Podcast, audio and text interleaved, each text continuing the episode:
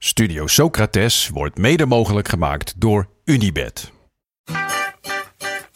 Há muito tempo você está no meu caminho. Como posso esquecer?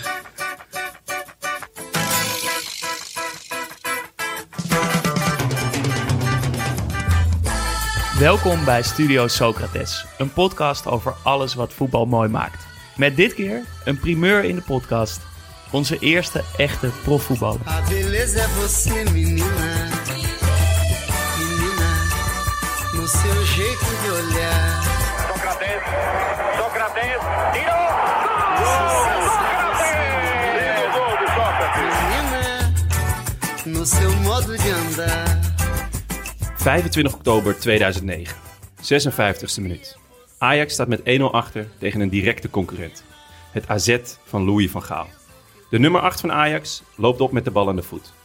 Vanaf de linkshalfpositie kijkt hij op en zoekt met zijn blik de spits.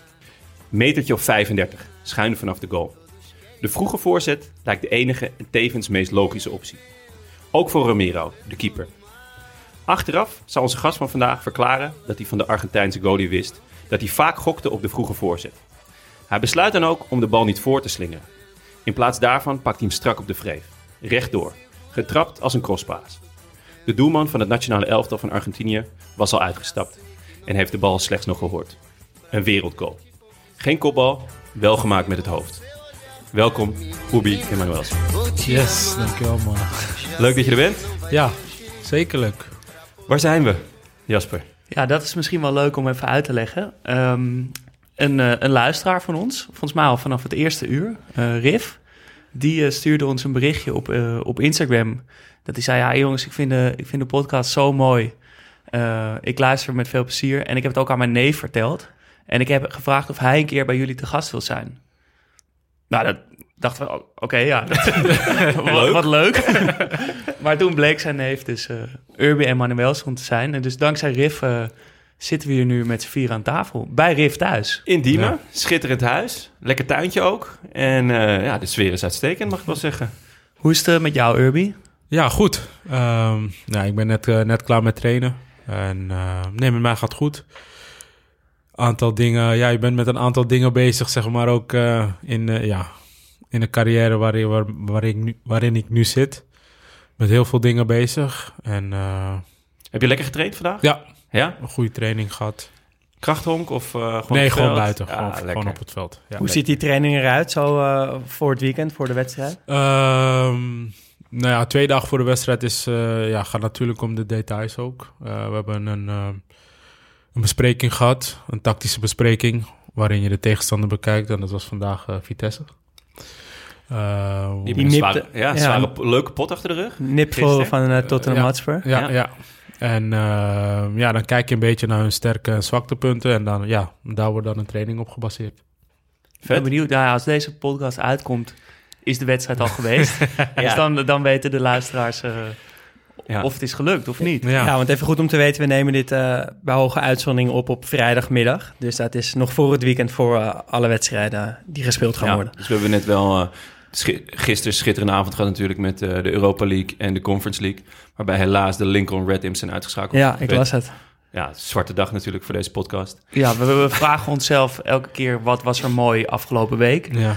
Ehm, en eh, Jonne is sinds dit seizoen, sinds Nederlands elftal tegen Gibraltar heeft Ja. gevoetbald, groot fan van de Lincoln Red Imps. de kampioen van Gibraltar. Ja. Dus Ja. Hoe, hoe lang op reis zijn ze al eh, landskampioen? Eh, volgens mij 14 jaar nu.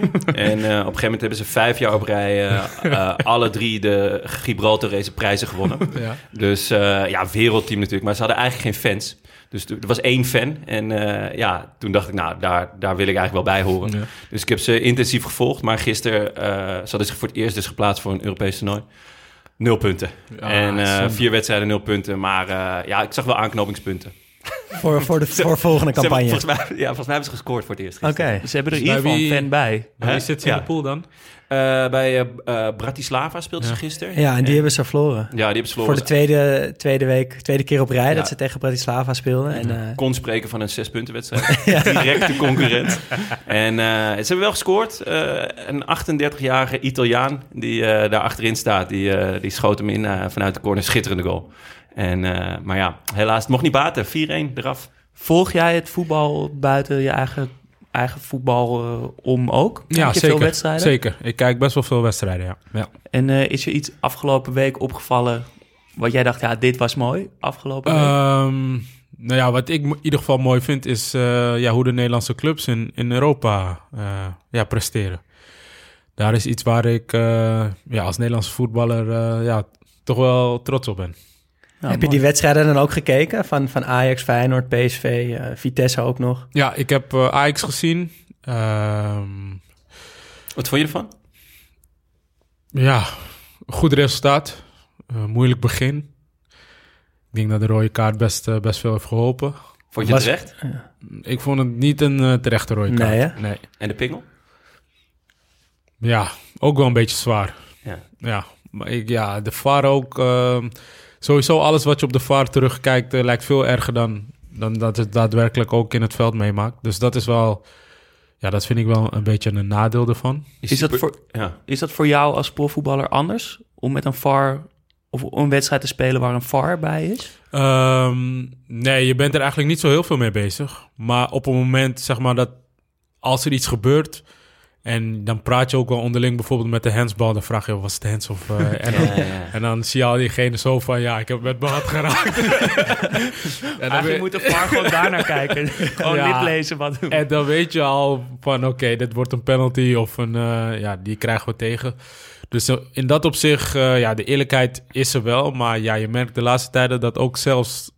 als het terug wordt gezien, zelfs dan nog steeds fouten worden gemaakt. dus dat is wel... Zou eh, het, zou het helpen misschien om, eh, om, om oud-profs eh, in die VAR-cabine te zetten naast de VAR zelf? Ehm, dat denk ik wel. Vooral met, met overtredingen. Ehm, en daar kan ik over meepraten, want ik heb twee keer rood gekregen. door, door de VAR. Door de VAR, Eh, ja.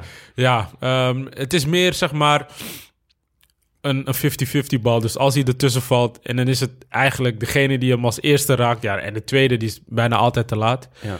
En als je dat dan op beeld terug gaat zien, ja, dan lijkt het eh, natuurlijk veel erger dan dat je, wat ik net al aangaf, eh, op het veld zelf meemaakt.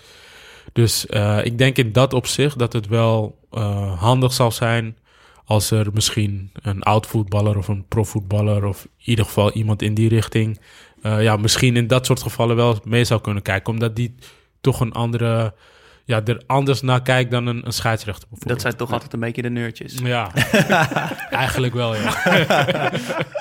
En dat hoef jij niet eh, hardop te zeggen, maar we zeggen het voor je.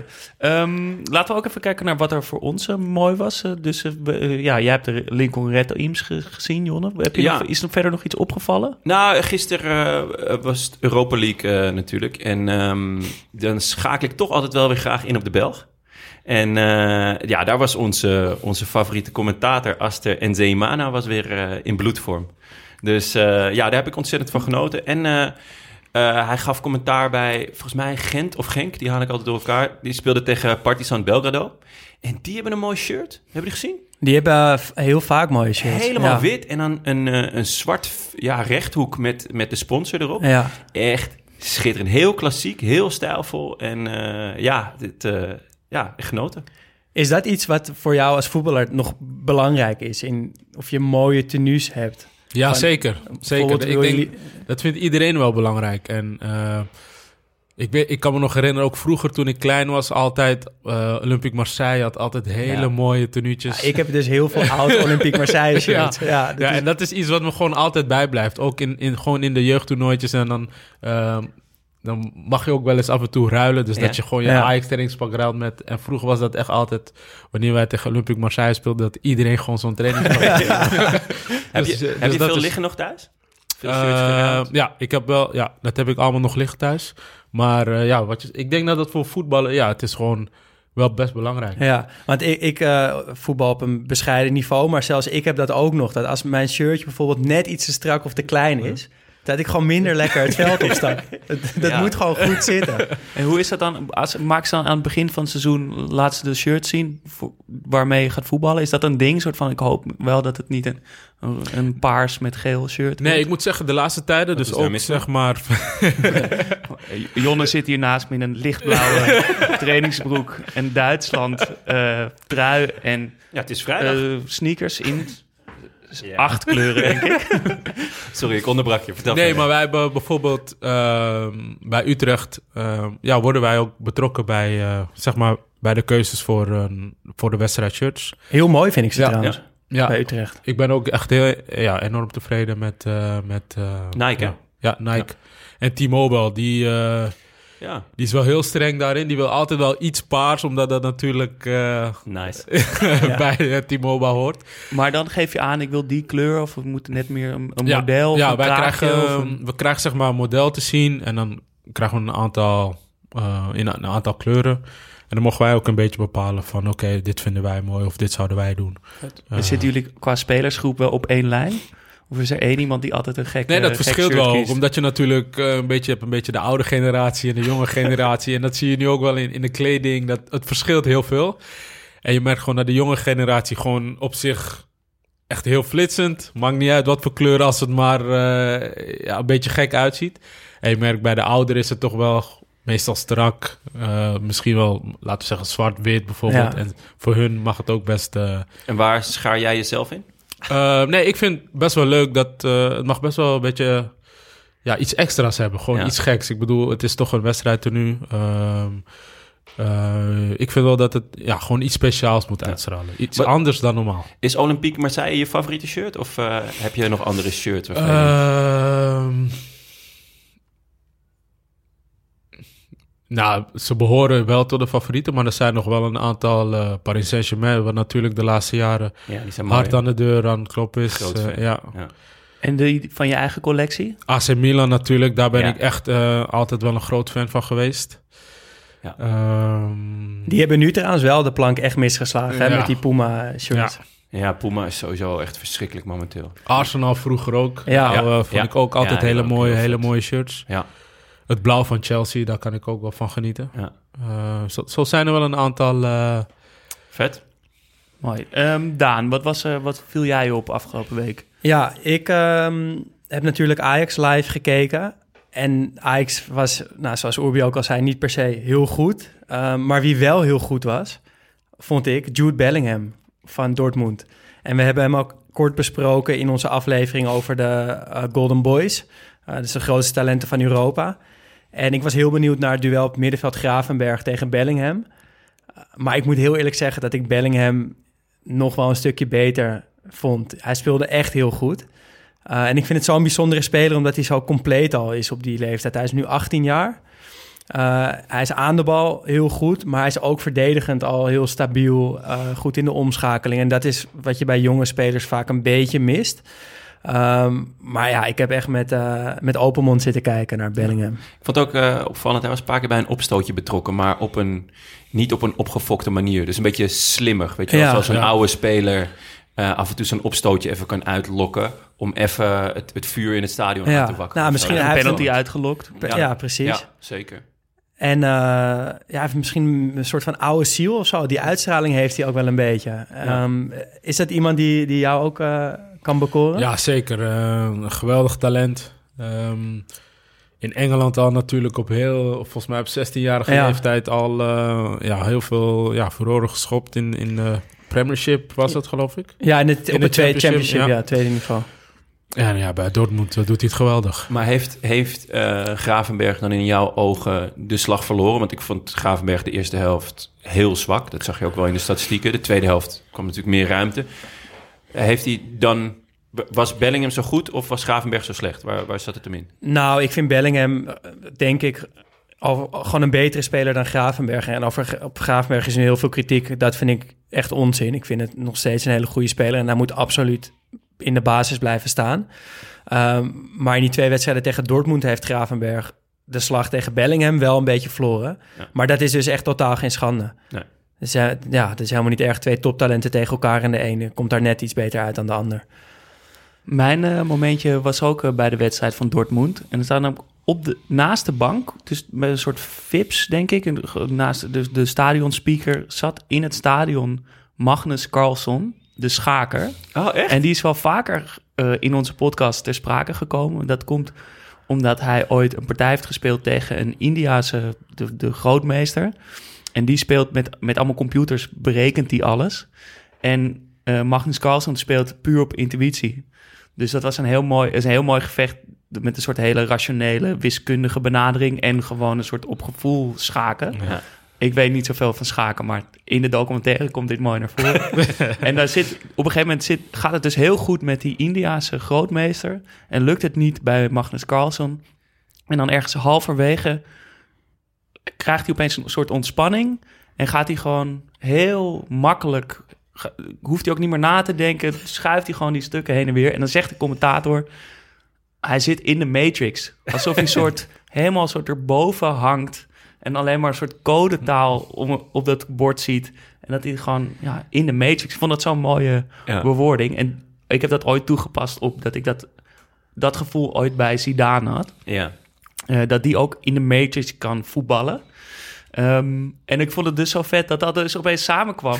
en eh, dat Carlson daar dat hij op de bij zat. Dortmund zat. Ja, Ja. vet. Jonge Dus, gast ook, eh, toch? Is niet, niet zo'n oude... Nee, heel jong, Ja, ja. ja. Op de bank bij Dortmund zelf. Nou, hij zat niet in de, Oh, op de bank, maar hij zat daarnaast. daarnaast. Ja, Dus ja, ja. soort- ja, ik weet bij de hoge Maar is dat, is dat iets wat jij als speler herkent? Dat je soms een wedstrijd hebt, dat je zo goed bent dat het voelt alsof alles op het veld langzamer gaat dan, dan hoe jij het ervaart? Ja, zeker. En daar, dat is natuurlijk de bekende flow waar Ja. iedereen het over heeft. En ja, als je daarin zit, dan, eh, ja, dan gaat alles wel, wel heel makkelijk, ja. Heb je een wedstrijd die nu te binnen schiet van jezelf, waarin je dat had? Ehm, ja, de wedstrijden met, met Ajax tegen Feyenoord thuis, waarin ik scoorde. We wonnen geloof ik Was met dat 5-1. die in een soort met de korte hoek helemaal links, met Ja. links een soort volley over de keeper Juist, heen? die... En tegen PSV, de, de goal met rechts. Ja. Ja. Ik had toen eigenlijk ook al, volgens mij echt een, een hele week al, dat ik eh, een beetje gek bezig ja, ik een beetje gek bezig was. Maar eh, ja, dat gevoel is wel heerlijk natuurlijk. En dat voel je gewoon op het moment dat je kicks aantrekt, voel je gewoon, dit gaat... Ja, ik heb het meestal, zeg maar, eh, als je een bepaalde actie maakt. Of gewoon een, dat je een bal krijgt en dan moet je hem aannemen. En dat, dat gaat allemaal zo soepel. Dan denk je van, oké, vandaag kan het wel eens een, een hele mooie dag worden. ja. Leuk, Heerlijk. wat moet dat heerlijk zijn. Ja. Dan ben ik daar jaloers op, zeg. Oh. Eh, Jasper, nog één klein laatste dingetje voordat we ons Ja. volledig op Oerbi gaan richten. Je hebt centjes verdiend voor ons. ja, mijn... eh, Maar het ko- kost je ook wat. Ja, we, hebben een vriend van de show. Dus je kan, eh, je kan ons supporten. Ehm, doe dat vooral. Als je nu zit te luisteren, word vriend van de show. Zijn we heel blij mee. 2,50 euro per maand, dan, eh, daar Ja. kan je ons al mee helpen. Of dus een vast bedrag. Ja. Je kan Ja. gewoon één keer een donatie doen. Ehm, en ik zag de... Ik, ik, Nou, we kreeg hebben al een meer dan melding, 100 vrienden. ik kreeg een melding dat Anne Foukema vriend van de show is geworden. Nou, dat is mijn vriendin. Dus ik was heel blij. Ik dacht, wat leuk, is eindelijk na Eindelijk. twee jaar ook vriend van de show geworden. Ehm, maar ze had dat wel van onze gezamenlijke rekening. Ja, die vond ik wel heel lekker hoor. ik, Oh, ik was man. eerst heel blij en toen ook een beetje van... Gewoon echt ouderwets de sigaar uit eigen doos. Dus ik heb ons ook gesponsord. nu. nou, juist ik ben ook vriend van de show geworden. Nou, daar ga ik straks even een lekker broodje van halen. Dat weet ik wel.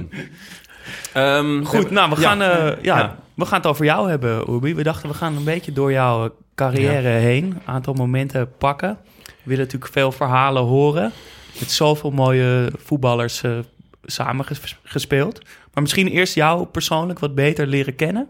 Toch? Aan de Ja. hand gewoon van wat simpele vragen. Ja. Eh, naam, leeftijd, woonplaats. Vrij simpel deze. nou, ik ben uh, Urbe Manuelson.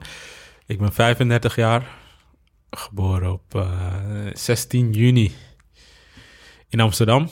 En ik woon op dit moment in Hoofddorp. Partner? Ja, vrouw, getrouwd. Drie kinderen. Wauw. Dus, eh, Familieman. Voetballers ook? familieman. Eh, ja. De, ja, de twee oudste die voetballen, ja. Sinds kort hoor. Die hadden in het begin, eh, mijn dochter, eh, die was eh turnster. Op een eh, aardig niveau. Twee keer Nederlands kampioen geworden. Wow. Eh, Ga je dan ook eh, kijken? Is het leuk om... ja, eh, ik ben, ik ben eh, ook wel eens eh, gaan kijken. En eh, ja, ze deed echt fantastisch. Alleen eh, op, op een gegeven moment had ze er niet zo heel veel zin meer in. En, toen, push eh, je er dan een er- beetje? Nee, nee, nee. Eh, omdat ik het zelf ook wel aan haar merkte. Ehm, ik bracht haar weliswaar soms naar, eh, naar trainen dan, als het kon. Dus dat ik haar van school afhaalde en dan eh, naar de training ben. Maar ik merkte ook soms al dat ze gewoon moe was. En dan sliep ze in de auto voordat ze moest trainen. Dus ik merkte aan haar al dat ze er in bepaalde gevallen wel, eh, wel tegenop zat. En eh, ja, die sinds kort ook weer gaan voetballen. Leuk. Eh, Leuk. En ook op een aardig niveau. Nee, eerst nog zeg maar bij een amateurclubje bij haar in de buurt. Kijken hoe het gaat. Je- Ik merk nog natuurlijk wel dat ze nog een beetje de bouw van het turnen in haar lichaam heeft. Dus Ja. eh, dat kan er soms een beetje vreemd uitzien. Maar ik moet zeggen, Salto's op het veld. dat soort dingen. Dat, dat, dat heeft mijn zoontje vooral. De middelste, die is, eh, die is echt een eh ja, freerunner-achtig. Ja? Ja, dus die, doet, die doet van alles. En die is ook nu, geloof ik, de laatste twee jaar... eh, ja, dat hij zich echt op het voetballen focust. Maar in het Ja. begin deed hij van alles. Dan was het weer eh, tennis, dan freerunner. Ja. Maar nu zijn ze wel, eh, wel into de voetbal. Dus ik ben benieuwd hoe dat gaat lopen. Leuk. En de jongste, die is eh, anderhalf. Dus we even kijken nog. Vet. Jeugdidol. Ehm, jeugdidool. Ja. Maar hoeft, mag een voetballer zijn? Ja. Hoeft niet. Mag ook, Eh, mijn mag ook je jeugdidool... oom zijn bijvoorbeeld. Ehm, ik had er eigenlijk twee. Zeg maar, in de periode dat ik bij Ajax kwam... ja, was Ajax natuurlijk een van de beste ploegen van Europa. In de jaren 95, 96. Toen was Davids een van mijn, mijn favoriete spelers. Daar ben ik ook op de foto mee geweest toen ik mascotte was. en ehm, een van mijn favoriete jeugdidool was Alvaro Recoba. Ah, Hey. ja, Ja, linkspootje. wel, Linkspoot. Ja, en die heeft mij wel... eh, ehm, ja, die trok zeg maar zoveel mijn aandacht. Ook de manier van spelen. We waren beide links, dus dat is wel iemand waar ik eh, tegenop keek. Heb je die ooit in je tijd in Milaan, want hij speelt natuurlijk voor Inter, eh, Ja. lang gespeeld. Heb je ooit mee te maken gehad? Nee, ik heb wel tegen hem gespeeld eh, met Ajax in de Amsterdam Tournament. Ah, ja, ja. Dus dat is, ja, was voor mij wel een mooie... Shirtje gehaald met, eh, Nee, net, ik was net te laat. Oh shit. Wie had hem wel Volgens dan? mij had Ryan, eh Ryan Barber heeft met hem een shirtje geruild. Als Ah. ik het me nog goed kan herinneren. Nou, misschien Well kan je nu nog wel een eh, dealtje maken. Ja. Eh, Leuk, ja, mooie, Ja. mooie speler. Zeker. Groot fan. Coach? Favoriete coach? Natuurlijk René Haken, maar na René Haken. ja, moeilijke vraag is dat. eh, om daar echt een favoriet uit te kiezen. Omdat ik zeg maar bij alle trainers wel zeg maar iets heb meegekregen. En eh, ehm, ja, ik denk de twee beste die ik heb gehad, dat zijn Ten Hag en Allegri. Ja, Ten Hag? Ja. En wat was er dan zo goed aan, eh, aan Ten Hag? Eh, ten, A- Ten Hag ademt voetbal. Echt. Gewoon. Die is volgens mij 24-7 met voetbal bezig. Ja. En eh, ja, dat vond ik wel mooi om te zien. Ook omdat ik dat eigenlijk niet gewend was van een eh, Nederlandse trainer. Ik heb natuurlijk eh, in het buitenland gespeeld. En zeg maar de werkwijze die hij toepaste in de tijd dat ik terugkwam bij Utrecht. Dat doen ze in Italië ook bijvoorbeeld heel veel. Dus heel veel tactische trainingen. Echt eh, een systeem inwerken waar... Ja, zeg maar dat wanneer je op het veld staat en je ziet gewoon gebeuren wat je hebt getraind. En dat is denk ik de kracht van, van Ten Hag. Dat hij, zeg maar, het team zo kan voorbereiden dat wanneer ze op het veld staan en ze zien wat getraind is dat het uitkomt, dat je gewoon denkt van, nou, we gaan gewoon winnen vandaag. Ja. Ik weet niet hoe, maar... Je, dat- je herkent de situatie op het veld en ineens ga je dus soort van Ja. automatisch bewegen naar wat je getraind hebt. Ja, dat hadden wij bijvoorbeeld. eh, wij speelden in de arena met Ajax, eh, met Utrecht tegen Ajax. En ehm, ja, wij hadden onze tactiek een beetje veranderd. Wij gingen van, van eh, 4-4-2 in een ruit, wat we speelden, gingen we ja, een soort 5-3-2-achtig. En dat hebben we echt de hele week getraind. Soms, ja, dat wij er op het veld werden we ook gewoon echt moe van. van Ja. Oké, eh, het mag nu wel echt eh, klaar zijn trainen. We zijn nu al de hele week bezig, we weten het nu wel. Maar het mooie daarvan was dus dat wij zondag op het veld stonden. En ja, je ziet gewoon gebeuren wat je hebt getraind. En wij kwamen op voorsprong. Ik geloof dat Ajax voor de rust nog gelijk maakte. Maar wij liepen de kleedkamer binnen en wij zeiden gewoon... jongens, ik weet niet, maar wij gaan gewoon winnen vandaag. Ja. En ja, we wonnen de wedstrijd uiteindelijk ook met 2-1. En ja, zeg maar, het was in die fase dat Ten Hag echt heel veel indruk op mij heeft gemaakt. En dat, dat kon hij binnen een week. Ja. Dus je trainde gewoon een week lang een systeem. Ja. En aan het eind van de week kon je dat systeem dromen. Ja, Want er was toen natuurlijk veel discussie bij het Nederlands elftal met de 5-3-2 of 4 4-3-3. eh, maar dat moet dus gewoon kunnen. ja Ook zeker. met een korte voorbereiding. Zeker, zeker. Nou ja, tuurlijk, we hebben, eh, ja, we weten natuurlijk wat, we, wat de trainer van ons verwacht. Ook, zeg maar, omdat we ook al een, een 4-4-2 systeem speelden. Eh, ja, wat er ook echt was ingehamerd. En ik moet zeggen, op het moment toen ik terugkwam, ik heb al heel veel formaties gespeeld. Maar ook ik moest even wennen aan de tactiek die, eh ja, die Ten Hag eh, ja, speelde met, met, met ons. En ja, echt, we hebben dat eh, bij Ajax eh, ja, in een week tijd, eh, ja, heeft hij dat toch voor elkaar gekregen. En hoe, eh, hoe is Ten Hag als persoon? Want hij wordt natuurlijk in de media vaak een beetje neergezet Ja. als een Noorse onhandige man uit, uit het oosten. Maar ik, als ik hem zie, heb ik altijd het idee dat het een hele warme, lieve man Ja, is. zeker. Een, echt een hele warme, lieve man. Die, eh, ja, die gewoon heel goed kan aanvoelen hoe hij ja, de spelers moet benaderen. En ja, je, je zag ook gewoon dat, ja, dat iedereen met hem wegliep. Eh, hij had zogenaamd, de zogenaamde rebelse jongetjes, had hij, eh, Ja. ja. die liepen met hem weg. Maar En- ook ja, iedereen eigenlijk. En hoe deed hij dat dan? Die, die bijvoorbeeld die rebelse jongens zo ver krijgen dat hij... eh, Ehm, nou ja, altijd een, een slag om hun arm. En veel, veel, ehm, ja, was gewoon ook veel met ze bezig. En ik denk ook buiten het voetbal, dat hij daar ook gewoon heel veel tijd eh, in stopte. En ik vond dat echt gewoon heel mooi om te zien. Hij heeft eh, in de periode, ik heb hem maar zes maanden gehad. Want to- toen had Ajax hem alweer weggekocht. ja, hier komen.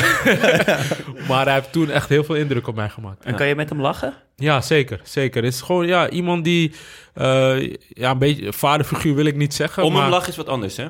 Nee, met hem, met met, hem. lachen, ja. En eh, ja, tuurlijk, eh, iemand die eh, vanuit Enschede misschien eh, ja, een ander, ander soort humor heeft, maar eh, nee, hij lag echt fantastisch in de groep. Wat is je, jouw persoonlijke hoogtepunt? Ehm, ja, mijn persoonlijk hoogtepunt is toch wel eh, mijn debuut bij Ajax. Ehm, dat is iets waar ik van kleins af aan eigenlijk naartoe heb geleefd en ook naar had uitgekeken. Ik kom uit Amsterdam. Ehm, ik was in, een, ja, in Amsterdam-Oost geboren, vlakbij de meer. En op het moment zeg maar, dat ik verhuisde naar de Bijlmer, eh verhuisde Ajax ook naar de. Mooi. Dus ehm, ja, ik kon de arena vanuit, vanuit mijn slaapkamer, eh, ja, of vanuit mijn huis kon ik, eh, ja, dat kon ik zien. En dat is wel iets wat eigenlijk voor mij op dat moment het enige doel had wat ik eh, ja, voor ogen had. En dat was in de arena spelen. En hoe was het, dat die eerste keer het veld op? Ja, spannend natuurlijk. Ehm, mooi. eh, toch uit iemand, eh, ja, als Amsterdamse jongen, om daarin eh, ja, je, je debuut te maken. Eh, een heel speciaal gevoel. En voor wat voor, wat voor een team was dat dan, waar je in kwam? Ehm, ik kwam in een team was onder Koeman, hè? onder Koeman, Ja. ja. Ehm, ja, dat was een, een wereldelftal. Met, met eh, ja, eigenlijk van achter naar voor. Met, met Kivu, eh Trabelsi, Maxwell, eh Snijder, Van der Vaart, De Jong. En ze hadden net, volgens mij het jaar daarvoor, eh, eh, halve finale, of was het Van, kwartfinale in de Champions League. Champions League. Toen ze van AC Milan eh, verloren. En eh, ja, dat was voor mij wel, wel speciaal. ja. Hoe, hoe werd je ontvangen in die, in die groep? Is er dan één iemand die komt naar je toe en zegt... Hey Urbi, ik ben... eh, Ik ben Zlatan. Who the hell are you? Nee. Nee, het mooie is bij Ajax omdat je natuurlijk elkaar kent ook van, van de opleiding. Dus ja, je merkt gewoon op het moment dat een jeugdspeler eh, erbij komt, is dat de ouderen zich, gelijk- ja, zich gelijk onder je hoede nemen. Ja. Eh, Wesley is daar al, natuurlijk, uh, Snijder, altijd heel bij de hand in geweest. Dus hij komt altijd met dingen van, eh, eh, ja, straks als je gaat spelen, gewoon... eh, als je de bal hebt, gewoon naar mij spelen, speel je altijd voldoende.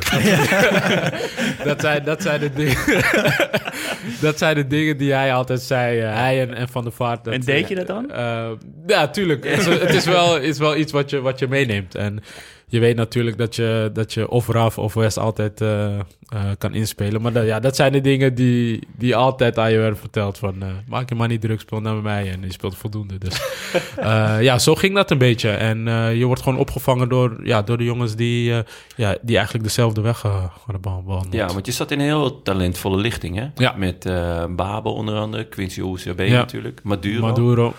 Ehm, ja, hoe, hoe was dat in de jeugd? Want er werd ook veel over jullie gesproken. Ja. Er was heel duidelijk van, oh, er komen nu een paar jongens aan, dat is echt buiten categorie.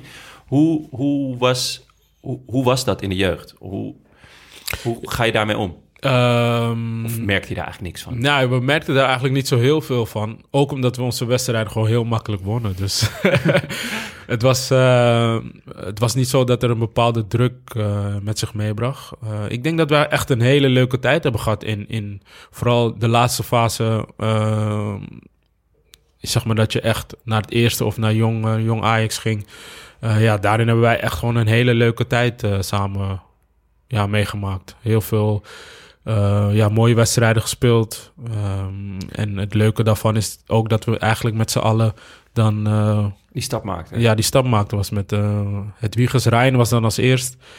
Dan kwam met Hedwiges, eh Kenneth Vermeer en ik eh, zijn daarna gekomen. En ja, dat, is, dat was wel een, eh, ja, een mooie ervaring. Was er iemand in de jeugd altijd de allerbeste? Ehm Of was je dat zelf gewoon? Ja, nou ja, we hebben... We hadden in de fase natuurlijk, vooral in, in de A1 toen de tijd. Dat is nu geloof ik onder 19. Eh, ja, daar was Ryan wel een beetje onze, onze blikvanger. Eh, groot, sterk, atletisch, eh, snel, maakte ontzettend veel goals. Heupschot. Een heupschot, ja. ja die, die hij nog had geleerd van eh, onze Argentijnse spits Gaston. Maar Sangoy, toch? ja, Sangoy, ja. Waar- iedereen vroeg zich eh, bij, in de ronde, vroeg iedereen zich af van wat doet hij hier? Ja, toen totdat ging- hij ging schieten en eh, wisten we al van oké, dat is eh, a- andere level. maar jij hebt nooit het ho- heupschot van hem geleerd. Nee, nee. Had je nee. niet nodig. Nee, ik was niet zo'n eh, zo'n ja, zo'n type speler. En Ryan kon dat op zich wel goed gebruiken, omdat hij vanaf links vaak naar binnen Ja. ging. Ja. Dus eh, En is hij toen gewoon naar hem toe gegaan en zegt van... Hey, eh, ja, ze hebben echt geoefend Ja. met van oké, hoe krijg ik eh, dat schot voor elkaar? Ja? En, ja. Ja, dan ging ze na training met z'n tweeën ging ze gewoon met z'n tweeën, ja, ging ze echt oefenen. Wauw, wat eh, een mooi beeld moet dat ja, zijn ja, geweest. zeker. Hij zal nu wel balen dat Ryan met, daar met dat heupschot vandoor is gegaan, toch? Anders had hij gewoon Ja. Ryan's carrière kunnen hebben. Ja, ja Ehm, zeker. Dan nog ook misschien even je, die, eh, je persoonlijke dieptepunt. Ehm, persoonlijke dieptepunt. Kan ook één moment zijn of een periode. Ehm, nou ja, mijn periode bij AS Roma, dat is wel denk ik een dieptepunt in mijn carrière geweest. Ja. Nou, misschien komen we er straks nog wel op te spreken, toch? Ja. Of wil je het er nu... eh, Nee, kan ook nu, toch? nou, ik kan ook we vragen tenslotte naar het dieptepunt. Ja, we dus, vragen ook eh, het Why the fuck not? Maar het is zo'n mooi team waar je in kwam. Ja, ja. Met, ja, wat is het? Totti, Cassano, De Rossi. eh, de Rossi. De Rossi. Ja. Je kwam van AC Milan, Ik kwam van AC Milan, ja. meer dan 100 wedstrijden gespeeld. ja. En dan ga je naar AS Roma. Met, met welk idee ging je er zelf heen? Ehm, Met welk verhaal kwamen zij aan? nou ja, ik werd zeg maar gehaald als linksback. En ehm, ik heb daarin ehm, ja, getwijfeld wil ik niet zeggen, maar er waren zeg maar een aantal clubs die, die interesse toonden. Maar ik was op vakantie en die trainer die belde maar iedere dag, iedere dag, iedere dag. Je moet komen, je moet komen, je moet komen. En ja, nou, dat, dat sprak wel van vertrouwen uit, ja, dat dacht ik me voorstellen. Welke trainer was dat? Eh, Rudy Garcia? juist, Ja. Rudy Garcia was dat. En- Meteen vergeten ook. Nou, heel goed. Nee, maar zeg maar, tuurlijk een hele mooie club. Alleen, zeg maar, op het moment dat ik daar kwam, eh, merkte ik gewoon dat het. Ja, ik vond het een beetje een koopclub. Dus zeg maar, dat je op het moment dat ik daar kwam, kwamen nog zes of zes tot tien andere spelers. Op de laatste dag van de transfermarkt, geloof ik nog vier spelers die erbij kwamen. Terwijl ik dacht van, hebben we er niet al genoeg? Allemaal Ja. linksbacks. ook. Juist, er kwamen Ja. er volgens mij twee. eh, Ashley Cole werd gehaald, Hollebas werd gehaald. Oh. En ik, dus we waren met z'n drieën. En eh, ja, dat was voor mij gewoon een, ja, echt een moeilijke fase. Omdat je toch met goede bedoelingen naar zo'n club gaat. En dan kom je daar en ik was ook niet ingeschreven voor de Champions League bijvoorbeeld. Dus ja, dat soort dingen, ja, daar had ik gewoon best wel veel, veel moeite mee. En is het, want heb je daar dan zelf nog echt invloed op? Of je, weet je, je, je, kan natuurlijk zeggen, dan moet je harder trainen, harder je best voor jezelf in de basis knokken? Of heb je het gevoel van sommige keuzes zijn al gemaakt en dan kan je doen wat je wilt? Ja, maar- ik, daarom, en dat is ook wel iets wat ik vooral aan de jonge jongens eh, meegeef. Dat je gewoon voor je gevoel, dat je er, dat je gewoon jezelf in de spiegel kan aankijken en zeggen van oké, Urbi, in die periode heb je er gewoon echt alles aan gedaan om de trainer te overtuigen, maar het is niet gelukt. En dat gevoel had ik dus wel. Dus dat maakt het voor mij wel eh, weer minder erg, omdat het ook weer ja, gewoon een goed leerproces was. Ik heb echt gewoon iedere training, ik heb niet geklaagd, ik heb altijd mijn werk gedaan, altijd goed getraind. Alleen ja, je kreeg gewoon de kans niet. En dan, ja, dan moet je die slikken en kijken eh, ja, hoe je dat eh, verder gaat oppakken. ja. Hoe Want was bij- het? Oh, ja. Nou, ik dacht eh, misschien even terug naar AC Milan, toch? Ja, nou, ik wilde toch nog wel iets over Walman weten. Want eh, eh, hoe was het met Maicon? Die speelde aan de andere kant. Ja, Volgens mij zijn er zoveel verhalen over hem. er zijn ook heel veel verhalen over hem. Ja, ja Hoe was hij? Een, een klein verhaaltje. Hij is gewoon gek. gewoon echt gewoon een, je mag gewoon echt hoe, gewoon hoe een Braziliaan kan zijn. Altijd vrolijk, altijd grappen maken. En hij was echt gewoon een sfeerganger eh, in de groep. En eh, ik kende hem ook al een beetje natuurlijk eh, van mijn Milan-tijd, omdat hij eh, bij Inter speelde. En wij woonden zeg maar in hetzelfde complex ook. Eh, en ja, hij was gewoon leuk in omgang. En een echte Braziliaan. Die houdt van feesten. Eh, Maar er waren van, verhalen dat hij altijd brak was op de training. Omdat hij altijd een rode kaart pakte voor de winterstop. Zodat hij lang op vakantie kon. Ja, dat, of, dat, of je dat bij ons deed, dat kon ik me niet meer herinneren. Hij was ook al een beetje, zeg maar, op zijn retour. ja, op zijn retour. En, ehm, maar hij, hij hield zeker van een feestje. Mooi, nou gaan we het over eh, je glorieuze AC Milan tijd hebben.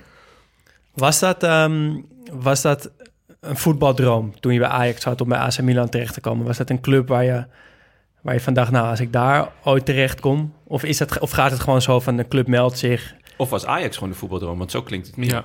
Nee, Ajax was zo, zeker een voetbaldroom. En eh, dat was ook gewoon mijn eerste droom. Dat was iets wat ik echt graag wilde halen. Maar Milan stond zeker eh, voor, voor in Italië. eh, ja, dus stond op nummer één. En wanneer wordt Milan dan de droom? Want eerst haal je Ajax. We vragen je net naar je hoogtepunt. Dat is je debuut in Ajax, Ajax 1. Je, je, je zag eh, de arena liggen. Dan speel je een aantal jaar bij Ajax. Wanneer, wanneer kom, kwam het moment voor jou eh, van... oké, het is tijd om voor de volgende stap. Het is tijd om verder te gaan kijken. Eh, hoe, hoe Ehm. werkt zoiets? Hoe, gaat zo, hoe is zo'n proces?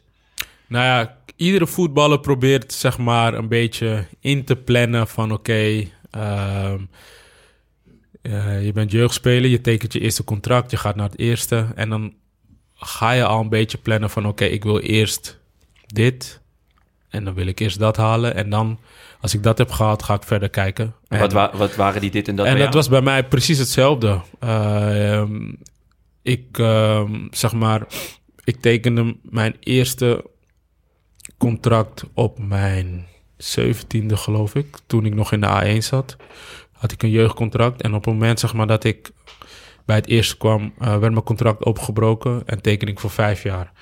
Ehm, en ik heb mezelf ook echt vijf jaar de tijd gegeven om me klaar te maken om, ehm, ja, op mijn 24 zeg maar, eh, ja, die stap te gaan maken. Eh, ik heb in, de, in die periodes daarvoor ook nog wel de kans gehad om eerder te gaan.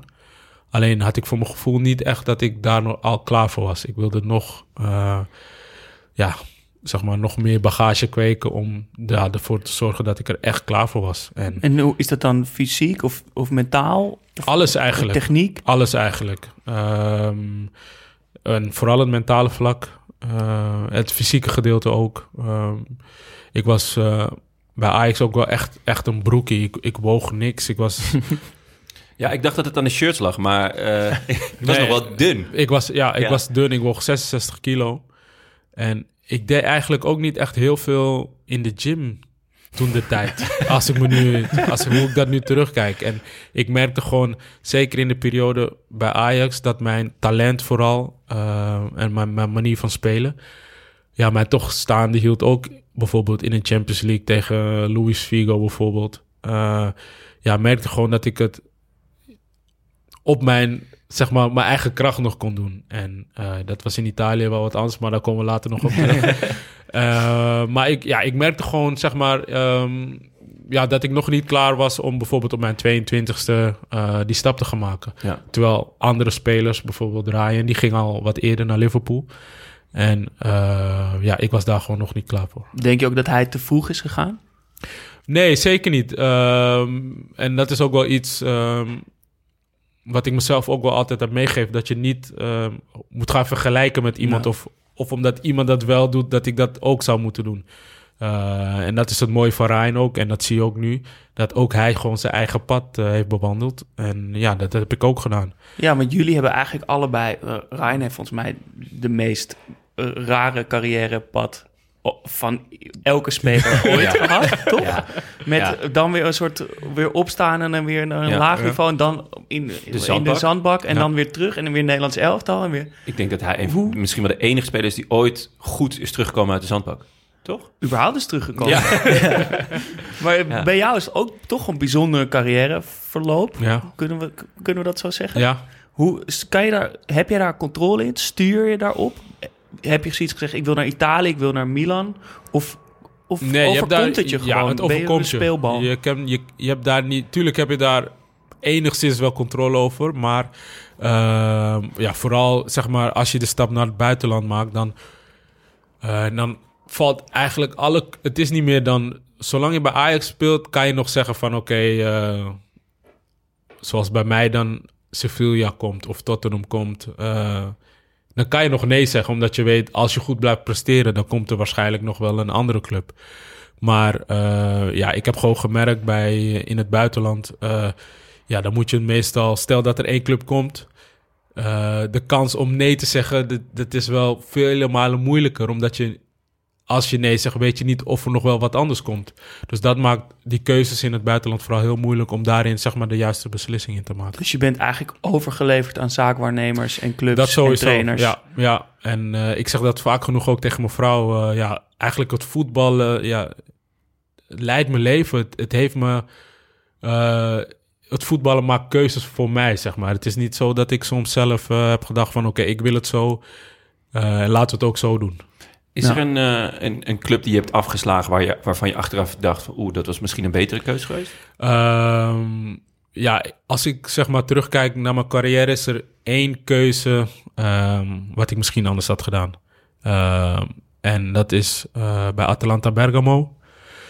Eh, zeg maar, toen ik van Rome naar Atalanta ging, eh wilden zij mij huren en een jaar extra nog een, een contract geven. Maar zeg maar, doordat wat er in, bij Rome was gebeurd, dus dat mensen dingen tegen me zeggen en eindstand kwam me helemaal Ik verloor gewoon een beetje het vertrouwen in, in het voetbal, zeg maar. Ja. En ehm, als ik daar nu op terugkijk, had ik achteraf gewoon anderhalf jaar bij Atalanta moeten tekenen. Ja, jezelf langer de tijd Ja. geven om daar Ja, te aarden. dat was zeg maar de enige keuze waarvan ik denk van... oké, als ik iets anders zou moeten doen, was dat het Want geweest. uiteindelijk tekende je een jaar. Ik tekende voor zes maanden. Oh, om voor zes maanden, ja. ja. Ah, ja, ja. En toen ging je naar Hellas Verona. Ja. En nou, daar komen we misschien straks Ja. nog op. Eerst nog even Milan, want eh, dat Ja. is toch wel zoveel romantiek hangt daaromheen. Toch met Milanello en dat team waar je in kwam. Het shirt. Ja. Het shirt. Hoe, hoe was die sfeer? Ik denk, ze hadden natuurlijk een soort glorietijd. Ja. Ik denk dat je net het staartje daarvan Ja. hebt meegemaakt. Ja, ik heb nog... Ja, de laatste succesjaren heb ik nog meegemaakt. Ja, even wat namen uit die, eh, uit die ploeg. Nesta, Thiago Silva, Kaká, Gattuso, Pirlo, Seedorf, Inzaghi, Zlatan, Robinho, Zambrotta, Ambrosini, Chris Boateng, Flamini, Van Bommel, Pato, Casano. Oké. Ja, dus dat pakte je nog mee. Ja. Hoe was En die sfeer toen je 100 daar wedstrijden. kwam? Ehm, ja. Een hele mooie sfeer eigenlijk. Iets wat je niet verwacht. Is het zo romantisch als wij denken? Ehm, ja, zeker. Ja, vooral als je op Milanello komt. Ja, gewoon wat de uitstraling, alles eigenlijk. Ehm, ja, dat is gewoon, dat was voor mij echt heel mooi om, mee te maken. Maakte die, die oude garde met de Nesta en Kaká en Pirlo en Gattuso... maken die ook echt de dienst uit dan? Zeker. Gattuso was daar wel ehm, ja, de leider in. Of de leider, de leider, één van de leiders. En, en hoe word je dan verwelkomd in zo'n groep? Ehm, Buongiorno. Je- nee, ja, je merkt vooral in, in Italië dat hiërarchie, eh, dat, dat is gewoon van zo'n groot belang. En dat is er ja, dat, dat heb ik niet anders meegemaakt. En ik werd gewoon goed ontvangen. Uh, mijn geluk was uh, dat ik Clarence natuurlijk al kende. Uh, onze families die ja, gewoon goed contact hadden, zeg maar, daarvoor al. En ehm, ik kende Ibra vanuit Ajax. we hadden dezelfde zaakwaarnemer. En Mark van Bommel. ja, dat waren eigenlijk de drie jongens die mij ja, een beetje onder hun hoede namen. En dat heeft mij ontzettend veel geholpen. En wat deed Seedorf dan bijvoorbeeld? Um, ja, Seedorf was gewoon heel veel met mij bezig. Uh, tijdens trainingen, wedstrijden, maar ook gewoon daarbuiten. Om zoveel mogelijk over de club te vertellen. Over de speelwijze, over de competitie, over alles eigenlijk. En um, ja, daar heb ik gewoon heel veel, heel veel aan gehad. Ja, en Jonne hier uh, is, is groot fan van Slatan. Dat is, ja. dat is een grote held. Uh, hij speelt natuurlijk nog steeds. afgelopen weekend tegen Roma nog een doelpunt gemaakt. Had jij toen al had je verwacht dat hij op zijn veertigste nog steeds een soort van de koning van Milaan zou zijn? Ja, dat had ik wel verwacht. Omdat uh, bij Milan uh, worden we... Onze lichaam wordt van top tot teen wordt, uh, helemaal eh, ja, gecheckt. gecheckt. Ja. Wij deden wel eens testen en ja, hij schoot daar soms met kop en schouders bovenuit. Wij deden sprongtesten en hij sprong bijna een meter hoog. dat soort dingen. Uh, lenigheid. Uh, kon hij volgens mij uh, zijn voet in zijn nek leggen. Dus dat soort dingen. Je merkt gewoon dat hij, ondanks zijn um, lengte, dat hij gewoon fysiek, ja, hij was gewoon een beest. En ja. deed hij daar veel voor? Of is dat gewoon iets wat hij van moeder natuur heeft gekregen? Beide, denk ik. Is iets wat hij heeft meegekregen, maar hij, ja, hij, hij deed daar wel heel veel voor. Ja. Uit zijn eigen fysio als enige. die, uh, ja, die hem uh, daarin, uh, ja, gewoon ja. iedere dag waar, waren ze mee bezig. Ik had, we hadden thuis, ik woonde met een goede vriend van mij, studententijd, en we hadden bij Milanello altijd het, het idee dat het een soort van complex was, waar, ook zeker als je naar deze spelers kijkt, waar spelers tot op latere leeftijd werden geconserveerd. Dus, dus goed gehouden voor ongeveer 25 à 35 wedstrijden per jaar. Mhm. Dus dat ze zo ontzettend bezig waren met het complete lichaam van elke speler. Waardoor al die spelers, ook die oudere spelers, 25 à 35 wedstrijden per jaar konden spelen. Ja. Uh, dat is misschien een heel erg geromantiseerd beeld, maar als ik dit zo hoor, klopt daar iets van? Ja, zeker. Als je kijkt, zeker in die periode dat ik daar zat, met Nesta bijvoorbeeld, die pikte gewoon zijn wedstrijden uit. Die ja. ging gewoon uh, soms een trainingje overslaan. Uh, dan speelden we bijvoorbeeld uh, Kievo uit. Dan zei hij, nou, doe maar niet vandaag. Ga lekker uit eten. Nou, doe maar niet vandaag. Maar dan speelden we woensdag bijvoorbeeld Barcelona uit. En dan stond hij daar gewoon als 35-jarige. En ja, dat, dat soort dingen, dat heeft wel um, ja, indruk op, op mij gemaakt. Dat je, zeg maar, um, dat wij spelers hadden die zich echt uh, klaar konden stomen voor, voor één wedstrijd. En uh, dat hadden we ook met Ambrosini bijvoorbeeld. Die wedstrijd dan Barcelona uit.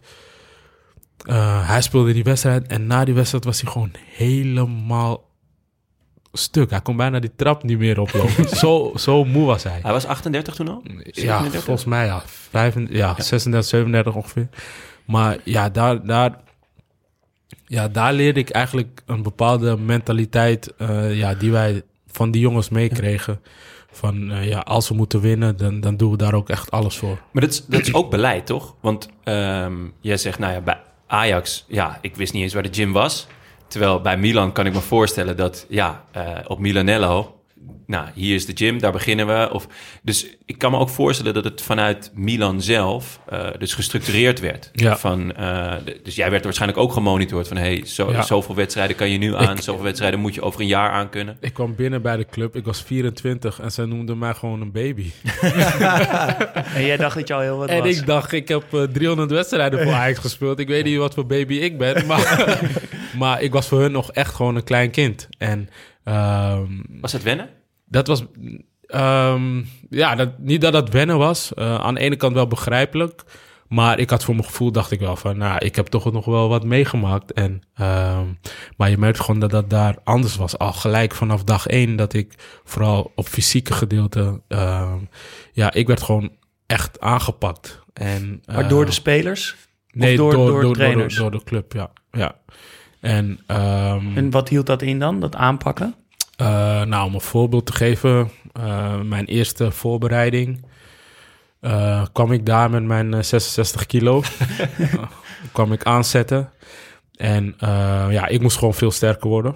En dat hebben ze mij ook ehm, eh, aangegeven. Er werd gewoon een programma gemaakt. En ehm, in de voorbereiding is natuurlijk dat je op conditioneel vlak gewoon, ja, je moet voorbereiden op het seizoen. En wij deden dan 100 meter sprints, 200 meter sprints.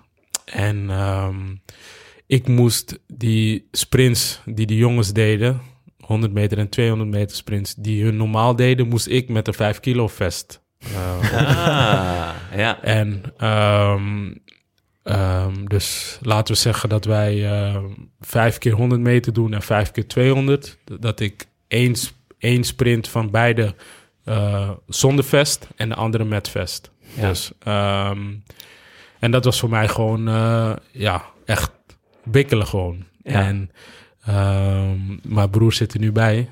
Eh, ik, ik heb eh, in die periode, zeker in het begin, ik belde naar mijn moeder van, maar ehm, Hou me hier weg.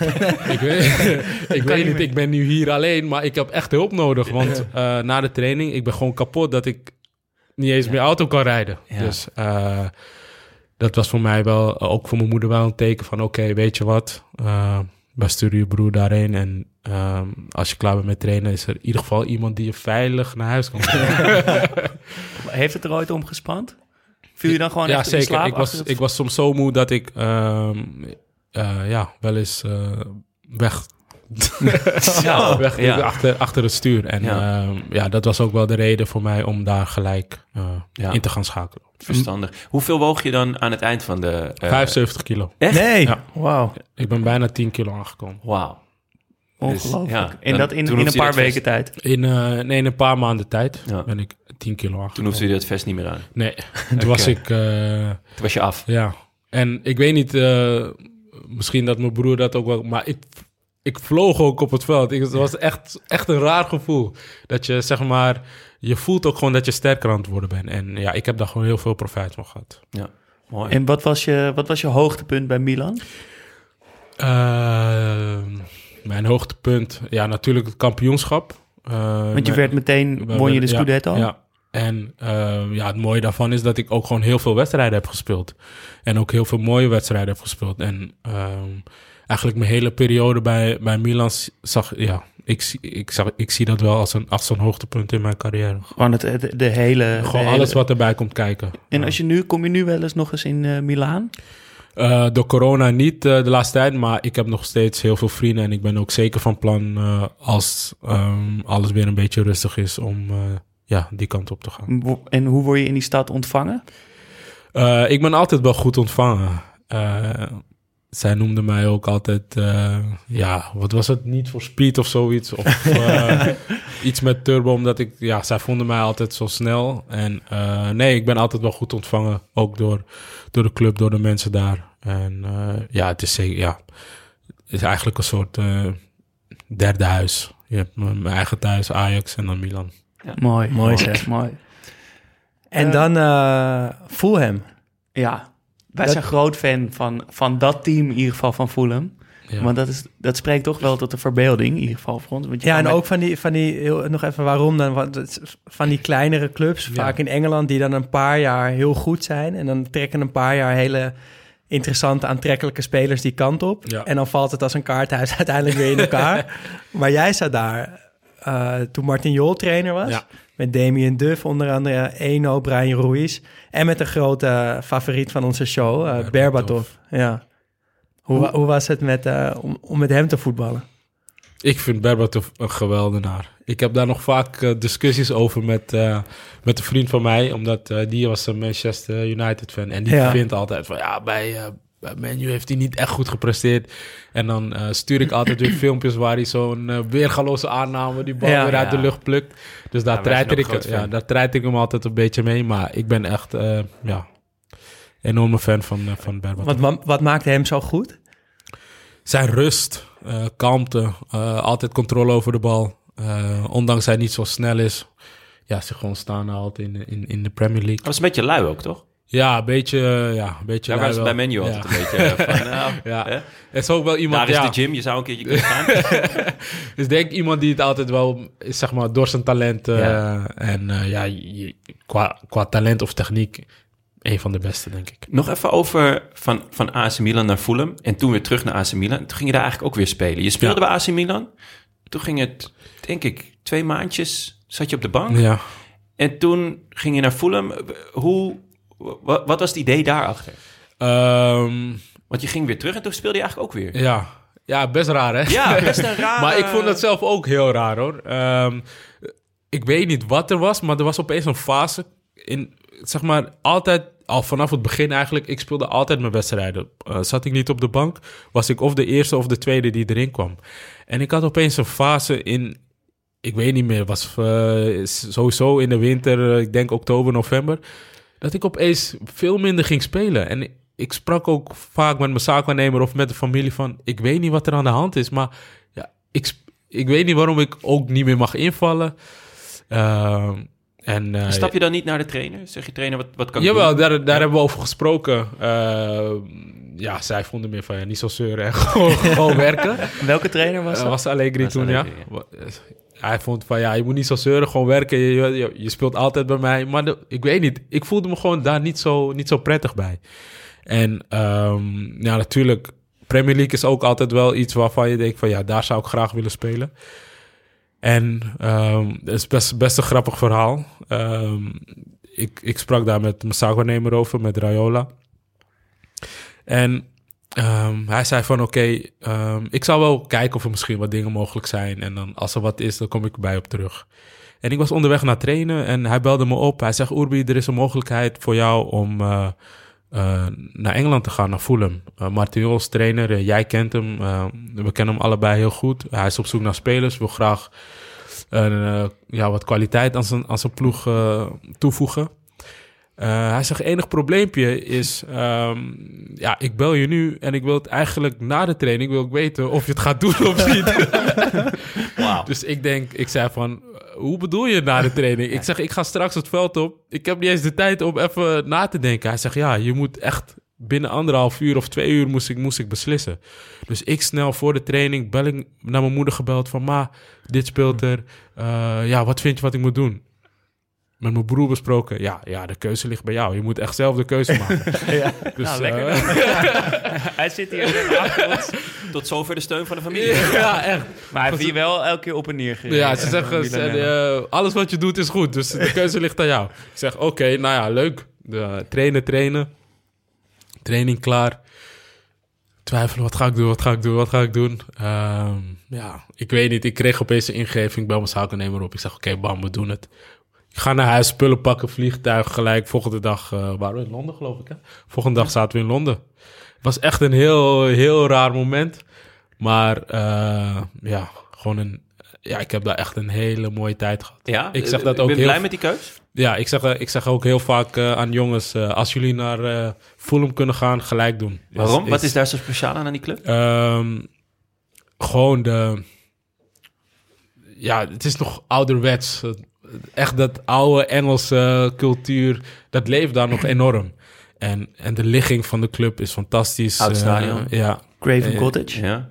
in eh, ja, Central Londen. Ehm, ja, een hele mooie buurt om te wonen. Ehm, wat minder druk dan bijvoorbeeld bij Chelsea, Arsenal, Tottenham, dat soort clubs. Je kan daar gewoon lekker, lekker leven. En eh, je merkt ook gewoon waar de Martial als trainer, op het moment dat het goed gaat, tijdens de interlandperiode, zei hij ook van eh, jongens, lekker vier, vijf dagen vrij. Eh, het is gewoon echt Dat klinkt ook wel als Martin Jol. ja, Ik weet niet Ja. of dat voor het Engelse voetbal eh, een goed voorbeeld is, maar wel in ieder geval van ja, hem. Ja, dus de, ja, het was voor mij echt een, ja, als ik het vergelijk met Italië, een hele andere, hele andere wereld. Ja, ik kan me voor, want je komt uit dat hele tactische, fysiek zware voetbal van Italië. Ja. Hoe- nou, het is misschien dus onder Martin Jol, maar hoe is dat dan anders? Ehm, nou, bijvoorbeeld in Italië was het altijd eh, voor de wedstrijden dat je op de club slaapt of in een hotel. Eh, bij Milanello had iedereen zijn eigen kamer. Dus je bent eigenlijk al eh, ja, gewoon twee dagen sowieso weg eh, bij de wedstrijden.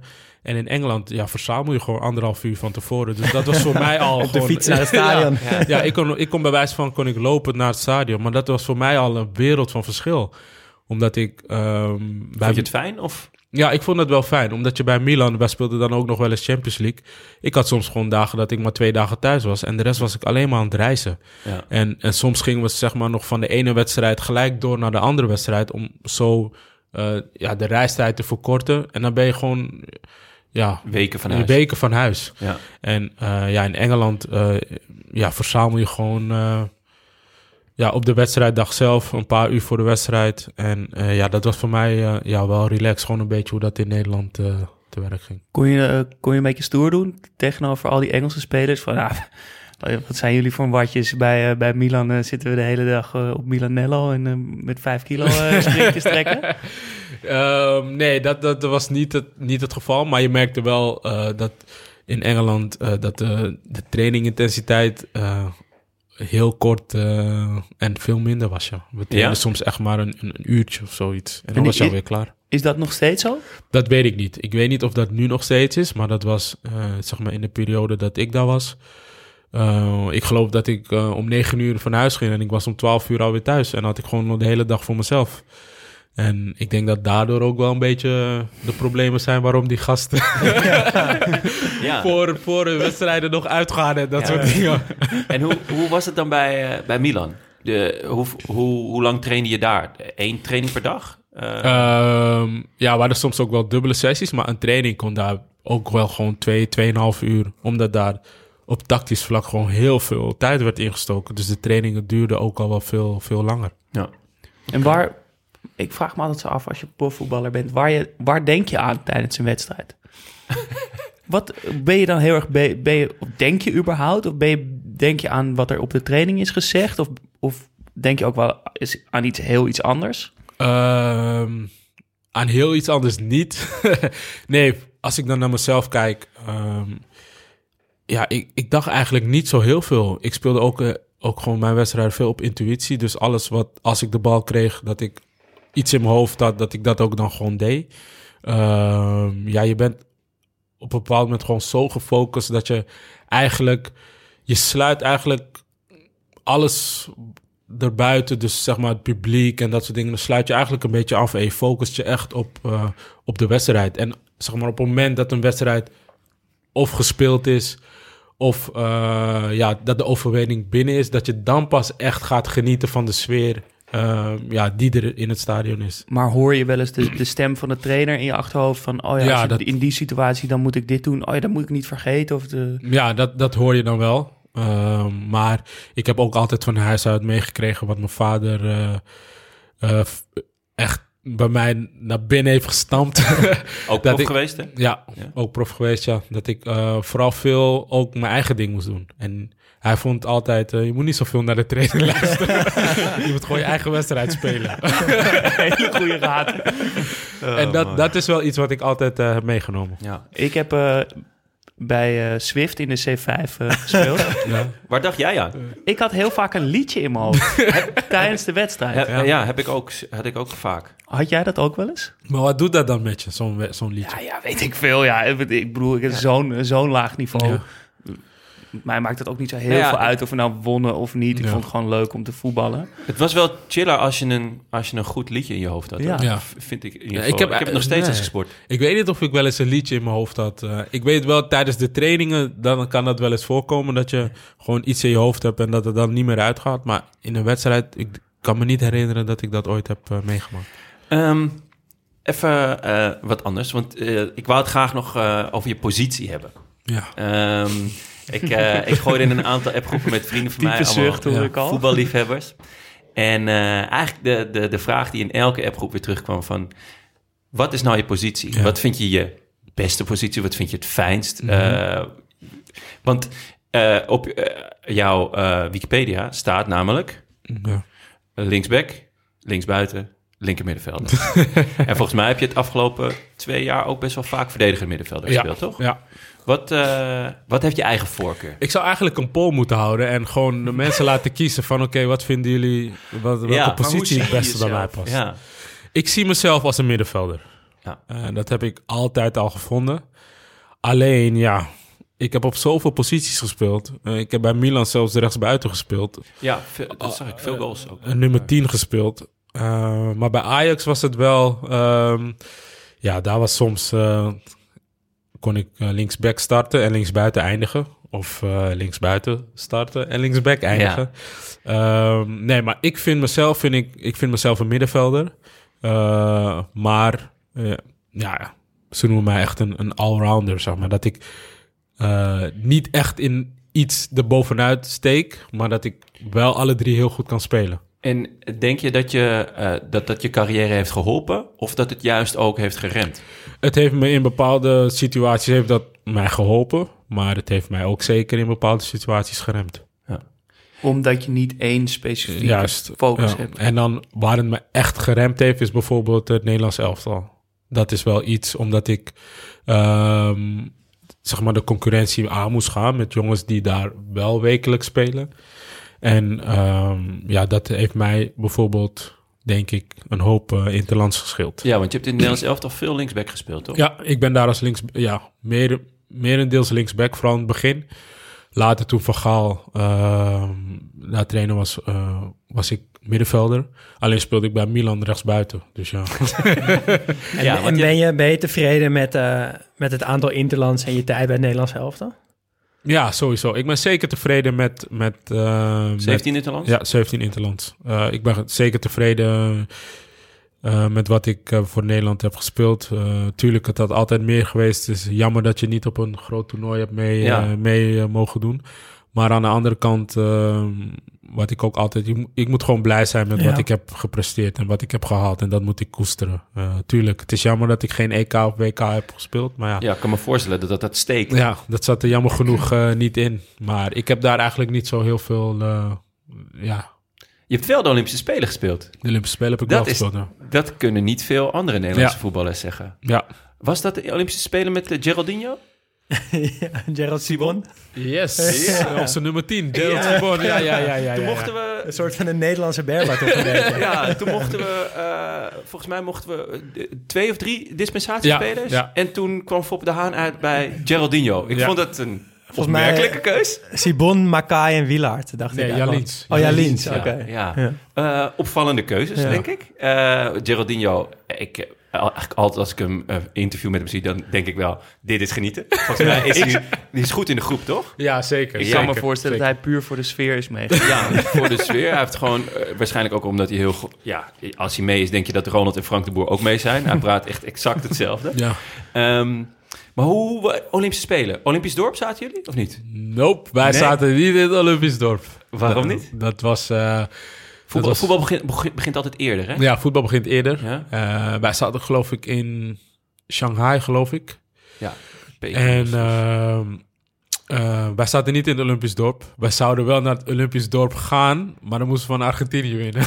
ah, dus, ja. ja. Deed Messi toen mee? Ja, ja. Messi. Dan wordt zij, het moeilijk. zij als dispensatiespeler uh, Riquelme, Mascherano, uh, nog eentje. en jullie hadden Simon. Ja. Maar was dat de Olympisch dorp, was dat echt een doel? Dat was wel een doel komen? voor ons, ja. ja wat, dat wat, we daar, dat we daar, ja, tuurlijk. Als je Olympische Spelen zit, dan wil je dat ja. eigenlijk ook meemaken. Ja. Maar er zijn altijd van die gekke verhalen over het Olympisch dorp, dat het één groot feest is, toch? Ja, dat hebben wij ook gehoord. En daarom, daarom dat wij daar naartoe wilden natuurlijk. maar dat was jammer genoeg niet gelukt. Nee. Was wel, was wel unieke ervaring. Ja, het was wel een hele mooie ervaring. Ja, het was zeker een... Allemaal jonge gasten. Ja, zeker een mooie ervaring. Um, ja, China. Uh, natuurlijk. Uh, wat voor ons... klinkt enthousiast. Ja, wat voor ons uh, eigenlijk heel anders was, was natuurlijk de... Met de lucht en de, en Ja. luchtvochtigheid. luchtvochtigheid en dat soort dingen. Dus daar moesten we wel enorm aan wennen. Maar het was zeker een hele leuke, leuke ervaring. We hadden misschien wel een leuk verhaaltje. We zaten in het hotel. eh, en eh, ja, het eten was eigenlijk niet zo, niet zo heel fijn. Dus iedereen is eigenlijk alleen maar cheesecake gegeten de hele toernooi lang. en dan mochten we een keer naar het restaurant. En dat was zo vreselijk. Ik weet niet wat voor vlees we kregen, maar dat was echt niet... Hond. Ja, waarschijnlijk zoiets. ja. Blijkbaar, blijkbaar. Ja. En eh, ja, toen zijn we maar ook weer heel snel eh, dat hotel ingegaan. Maar dat- qua eten was het... eh, was Met wie lag je op de kamer? Weet je nog? Oh, weet ik eigenlijk, dat weet ik niet meer. Zijn die wel nog op stap geweest? Nee, we zijn niet... eh, Nee? nee, dat kon ook niet. Ik geloof in die periode was er ook iets... Fop had zijn zweep bij zich. Nee, maar er was iets gaande in de wereld. Ik weet niet precies wat er was.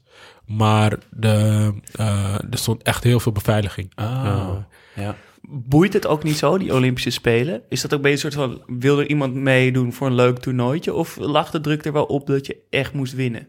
Uh, nee, er lag niet echt druk om, om te winnen. Het was voor ons gewoon een hele mooie ervaring. En het was meer van, oké, we kijken wel hoe ver, hoe ver we kunnen komen. Schoolreisje wil ik niet zeggen. uh, omdat we eigenlijk niet zo heel veel uh, konden doen uh, op het moment dat we zeg maar niet trainden of een, of een wedstrijd hadden. Ja, het was echt alleen maar voetballen. Hotel in, hotel uit eigenlijk. En cheesecake eten. En cheesecake. En cheesecake eten, ja. nou, heel veel cheesecake. Wel je zuivel binnen. En uh, misschien ook leuk om, uh, om het nog even kort over het heden te hebben, maar ook over de toekomst natuurlijk. Want je zit nu toch al best wel lang ook alweer bij Utrecht. Ja. Dat bevalt dus goed? Ja, dat bevalt goed, ja. Ja, um, ja op het moment zeg maar dat ik uh, terugkwam hier, ben ik eigenlijk heel goed ontvangen door, uh, ja, door de club, door de mensen die daar zijn, ook door de fans. Ondanks je Ajaxiet ben. Ja. Ja. Um, ja, ben ik gewoon ge ja, geaccepteerd door de club en de mensen. En uh, nee, het voelt gewoon goed. Is Ajax nog concreet geweest toen je terug, terug wou naar Nederland? Uh, nee, niet echt. Niet echt. Die mogelijkheid lag er niet echt. Steekt dat? Uh, nou, steken wil ik, steken wil ik niet zeggen. Maar uh, ik had het wel mooi gevonden als ik bij Ajax terug kon keren. Er was wel een periode waarvan het misschien mogelijk was. Maar op een of andere manier was dat niet, uh, niet doorgegaan. Nee, kan nog steeds, hè? Kan nog steeds, ja. sowieso, ja. Dat vind ik trouwens wel een interessante uh, vraag. Dit huidige Ajax zijn heel veel posities die door elkaar lopen. Ja. Dus een linksback kan ook uh, verdedigen middenvelder spelen of centraal. Of, uh, je, je, ziet veel meer jongens zoals jij dat ze multifunctioneel ja. zijn. Welke positie zou je in dit Ajax voor jezelf zien? Uh... Ik zou nu namelijk, mijn mening, ik zou eerder zeggen linksback. Ja, dat zou ik ook zeggen, ja. Ja, dat is dan toch wel grappig. Maar de, die Daily Blind is toch ook een oudje? Die moet je toch kunnen hebben? Daarom ga ik voor de linksback positie. Ja. ja, daar ligt inderdaad de meeste mogelijkheden. maar de toekomst, ja. Ja, en je, je, je, speelt ook een uh, rol als ik in de talentontwikkeling en ja. begeleiding bij Utrecht. Is dat iets uh, wat je leuk vindt om te doen? En ja, dat vind, ik, dat vind ik heel leuk om te doen. En dat is een beetje, zeg maar... Uh, gekomen door, uh, ja, toen ik bij Utrecht kwam, dat er gewoon heel veel jonge spelers op mij afkwamen en heel ja. geïnteresseerd waren in, ja, in de dingen die ik heb meegemaakt en ook heel veel informatie vroeg van hoe, hoe zij dingen moesten doen. En ik denk dat dat, uh, ja, ook door de club is gezien. Uh, ik praat, ik heb echt heel veel gesprekken met, met Jordi Zuidam, technisch directeur, technisch directeur van de club. En uh, ja, hij heeft ja, grootse plannen met, met de club. En hij heeft mij daarin zeg maar, een beetje gevraagd of ik hem daarin ja, zou kunnen ondersteunen. Dus daar zijn we nu een beetje aan het, een beetje aan het brainstormen en aan het kijken van... oké, okay, wat zijn de dingen waarvan ik denk en waarvan hij denkt... waar ik belangrijk kan zijn voor de club. En het is dan meer een soort van één op één contact met jonge talenten dan, ja, dan echt op dit, moment, op dit moment is het vooral... Uh, ja, vooral één op één contacten. Um, ik ben ook uh, met trainingscursus begonnen. Dus ik loop ook stage bij de onder 17 van Utrecht. Is dat leuk? Ja, dat vind ik leuk. Ja, dat ja. vind ik leuk om te doen. En uh, ja, zo zijn we een beetje gewoon aan het kijken. Vooral wat voor mij belangrijk is.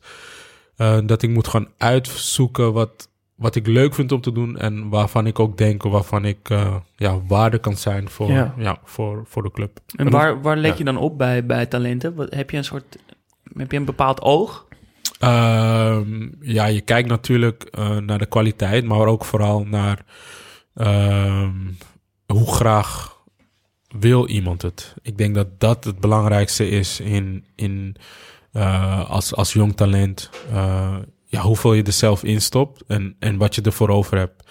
En als dat eenmaal goed is, eh, ja, dan, dan kan je eigenlijk aan alles kan gewerkt worden. Technisch, fysiek, eh, bepaalde, bepaalde focus die je moet hebben bij wedstrijden. Maar het, het begint toch wel eerst allemaal bij jezelf. En ja, daar probeer ik eh die jongens een beetje in te ondersteunen. En is er een speler eh, nu bij Utrecht waarvan, waar, waarin je veel potentie ziet dat je denkt, nou, de- Wij hebben, ik zie heel veel, we hebben een aantal spelers waar ik, waarin ik heel veel potentie in zie. En ehm, Noem er eens een paar. Eh, Dave van den Berg bijvoorbeeld, dat is een van de spelers waarvan ik eh, ja, toch wel fan ben. Ehm, en ja, zo hebben we er nog een aantal. Eh, Timber... eh, Quinten Timber, Ja. die komt van natuurlijk van Ja. Ajax. Ja. Maar dat is iemand eh, die zeker de potentie heeft om, om een hele goede te worden. En eh, ja, het zijn ook middenvelders, dus het is logisch dat Ja. je Ja. daar, daarop let en eh, dat je daar ook mee bezig bent.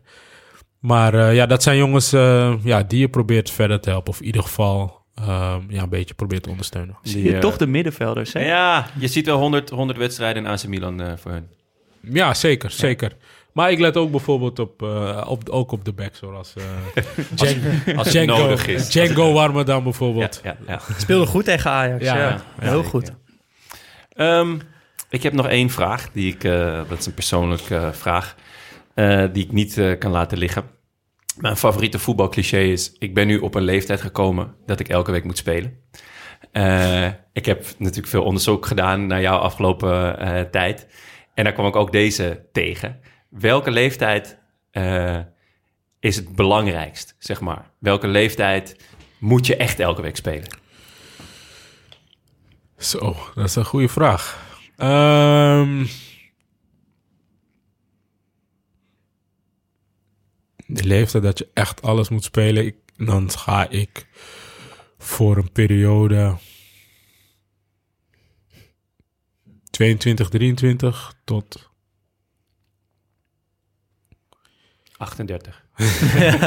25, 26. Oké, dus dat zijn echt de... Dan moet je je meters maken. Ja, Ja, dan ben je natuurlijk talent af en dan leg je de basis voor of je, Voor- denk ik, ja, of je echt een goede wordt juist. of dat je daarna weer ik denk eh, dat dat wat Ja, inzakt. zeker, kijk, in het begin als je als talent komt, eh, dan heb je bij sommige gevallen bijvoorbeeld nu dan met, met een Gravenberg, met een Timber, eh, dat soort jongens, die spelen gelijk vanaf het begin.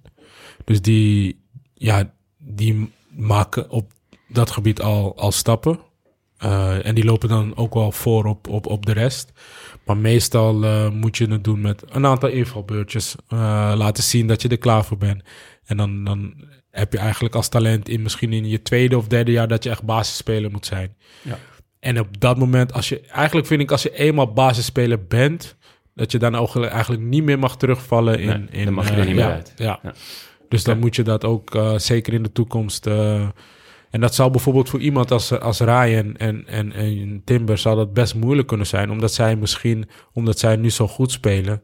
eh, Dat ze toch nog een dippie krijgen. en eh, bij Ajax al basisspeler zijn, maar misschien is hun volgende stap wel Real Madrid of Ja. eh, Barcelona. Ja, dan gaan ze voor het eerst in hun leven op de bank Ja, zitten. en, dan ga je, en dan ga je misschien eh ben je basisspeler af en dan moet je eigenlijk weer het traject eh, en dan Zoals bij de licht. ja en bij Frenkie misschien wat minder, maar dan en dan moet je eigenlijk weer eh, moet je zelf eigenlijk weer één of twee jaar gunnen om stel dat je echt weer bij die Europese top komt, dat je binnen één of twee jaar weer basisspeler moet worden. Ja, vet. Mooi. Ik wil nog gewoon nog... Je hebt met zoveel mooie voetballers. Ja. of met of tegen. Ik weet dat je groot fan van eh Thiago Silva bent. Ja. Maar ik wil gewoon nog een verhaal horen over Robinho of Davids of Bukari of Kalacek of Stam of, eh, of Sambrotta of Luca Robinho of iemand. Ik wil gewoon... Misschien de, de- zoveel mooie... De, de, de gekste speler met wie je ooit hebt gespeeld. Zoiets. Eh, Na Maicon. Na Maicon. ja, er zijn wel een aantal die een aantal. eh Raja Nyangolan bijvoorbeeld. Ja? eh, Ja. Mario Balotelli, dat soort spelers hebben al heel veel gekkigheid uitgehaald. Wat deed Nainggolan dan bijvoorbeeld? Ehm, ja, Raja is ook best wel iemand die. eh, een, een levensgenieter.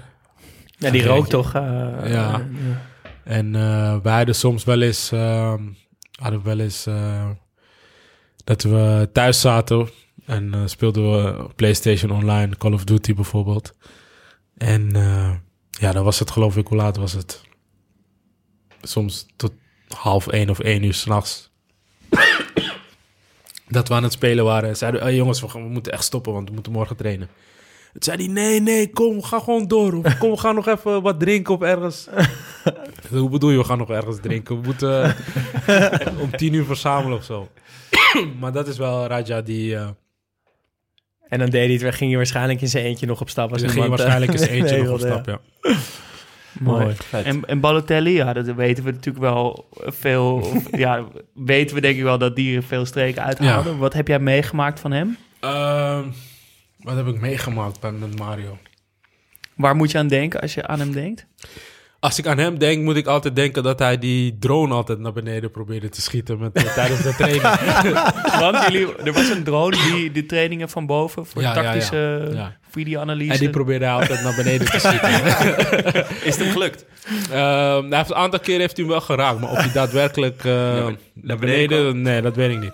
Maar hij deed altijd van dat soort eh, Ja. gekke, gekke, gekke dingen.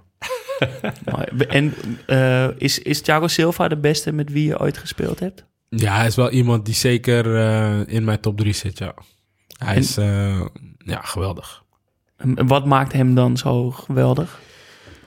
Ehm, ja, alles zag er bij hem zo makkelijk uit. Hij, ehm, hij had ook natuurlijk een, een bepaalde status. Ibra zei altijd...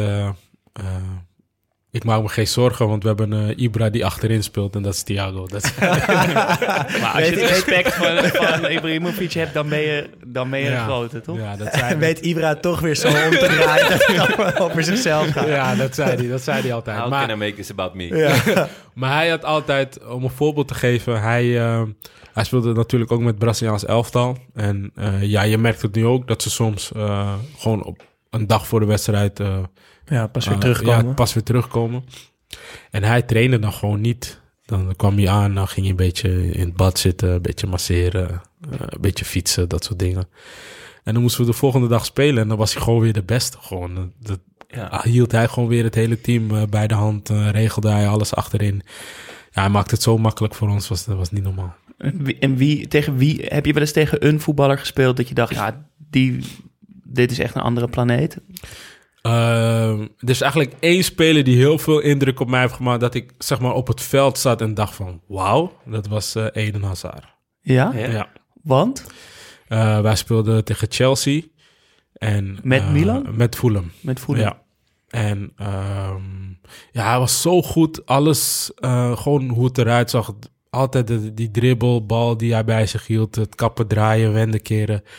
Dat was echt, ehm, ja, een van, ja, een van de weinige spelers die zoveel indruk op mij heeft gemaakt. Ik weet dat eh, Bijzonder. Daan eh, geen groot fan van Hazard is.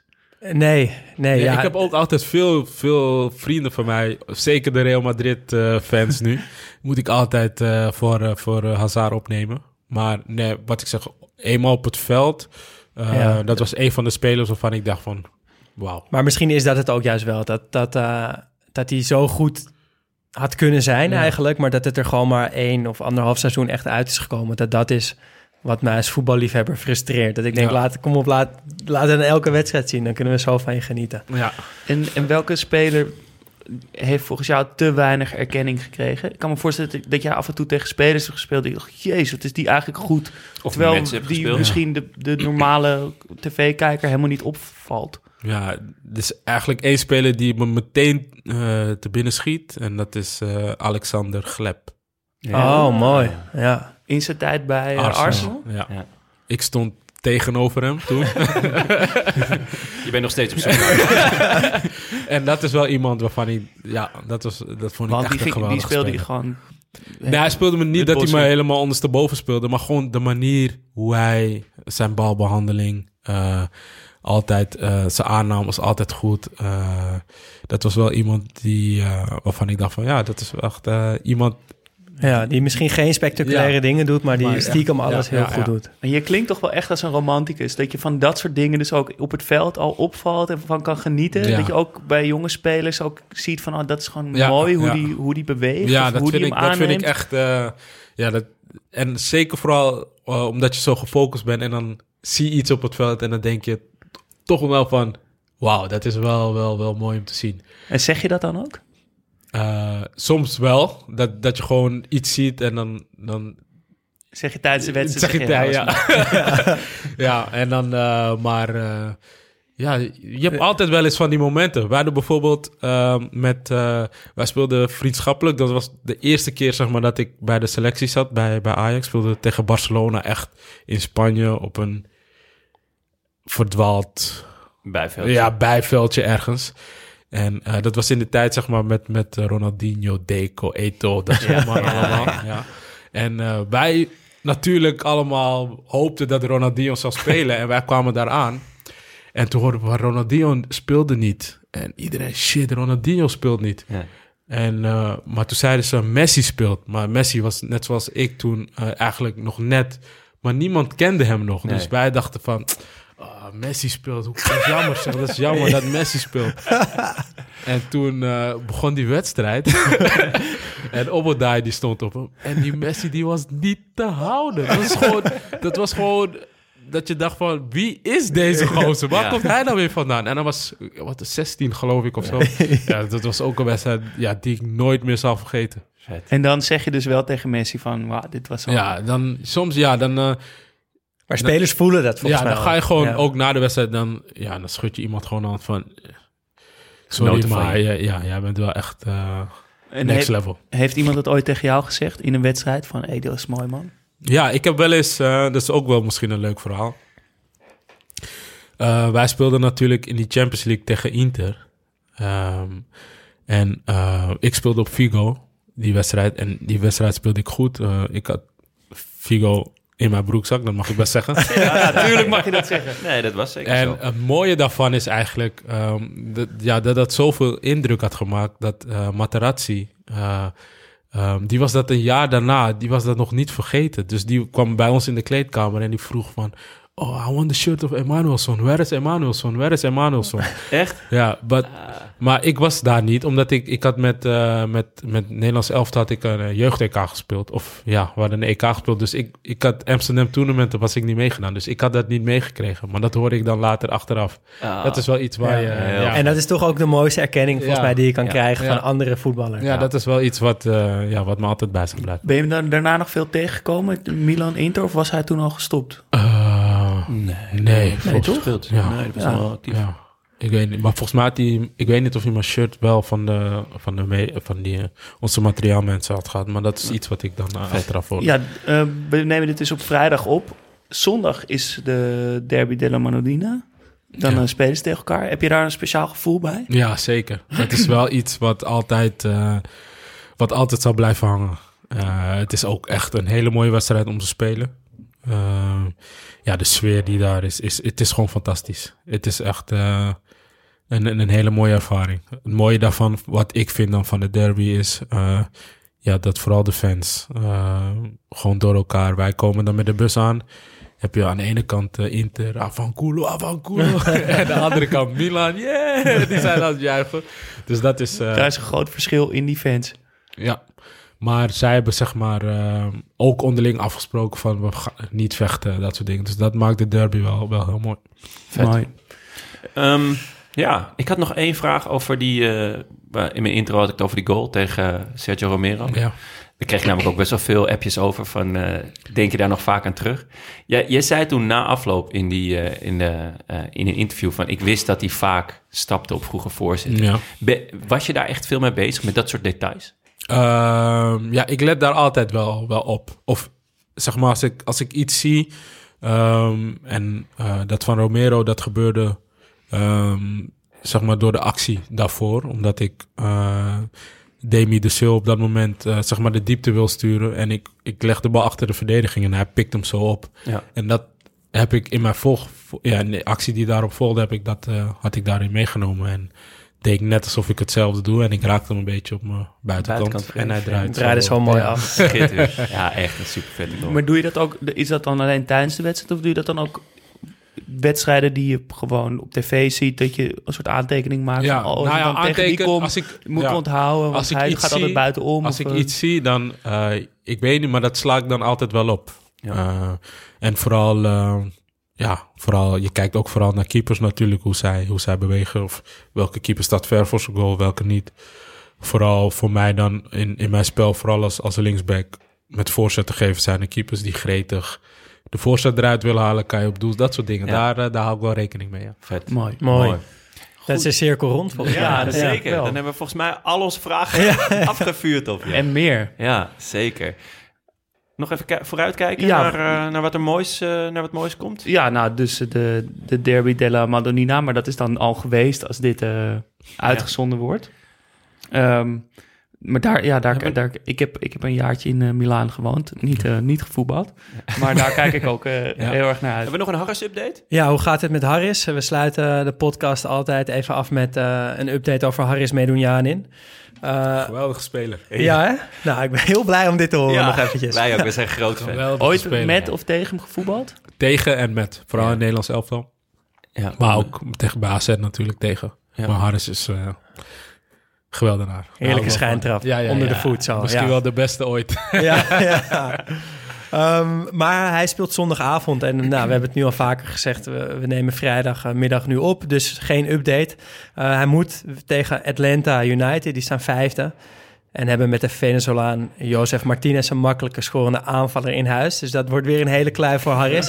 maar eh, we houden jullie op de hoogte. En ehm, nog even een update. Eh, je kan nog steeds de strip over Klaas-Jan Huntelaar winnen. The Hunter Er is gewoon een kunstenaar geweest. Die heeft een strip gemaakt over Klaas-Jan Huntelaar. En wie denk je dat de bad guy is? Ik verklap niks, maar hij komt uit Katwijk. Dirk? Ja. Dirk Kuyt, Katwijk is de bad guy. Dus, eh, en verder kan je nog steeds onze oude afleveringen luisteren over teams uit het recente verleden. Zoals eh, de aflevering over PSV met Alex en Gomez. Of die van het WK onder 20 in eigen land met Urbi en Quincy Ousabé. Of die over Porto, eh, die eh, de, de Champions League won toen nog met Mourinho, toen hij het nog wel kon. Hè? Jongens, gaat goed met hem hè? Nee, het gaat niet goed. hij is, eh, ik was altijd wel fan van hem, maar Ja. ik ben in rap tempo Ja. hij, zijn En- credits aan het verliezen. Ja, volgende week zijn we er weer met de gast. Urbi, super bedankt. Yes, was gezellig. Vond je het jongens. leuk? Ja, Ja? het Dankjewel. was echt leuk. Ja. Leuk, leuk. Ja, succes. Rit, jij ook bedankt voor het, voor het bemiddelen en eh, voor ja, dat we te gast mochten zijn. In je huis. Ja. Succes Vitesse dit weekend. Dankjewel. Ja, en hebben we, hebben we vrienden van de show nog? Ja, zeker. Ja, mijn vriendin Anne Voekema, dankjewel. en mezelf dus ook. Eh, en voor de rest ook San Marco en B. Schugart. Die eh, zijn ook vriend geworden, daar zijn we heel blij mee. Dankjewel. Jullie ook bedankt, jongens. Zeker, was genieten. Studio Socrates wordt mede mogelijk gemaakt door Dag en Nacht Media. Wil je meepraten? Dat kan. Laat een bericht achter op vriendvandeshow.nl slash Studio Socrates of via Instagram studio-socrates. Mailen kan trouwens ook. Ons e-mailadres is studiosocratespodcast.gmail.com Vond je het leuk? Laat dan een review achter via iTunes of word vriend van de show vanaf 2,50 euro per maand. En gun Jonne een paar goede oordopjes, zodat hij weer eens een nachtje kan doorslapen. Ah, vannacht ging goed trouwens. Oh, nou, geef dan maar eh, dan aan iets anders. Dankjewel, jongens. Leuk. Dankjewel. Thanks.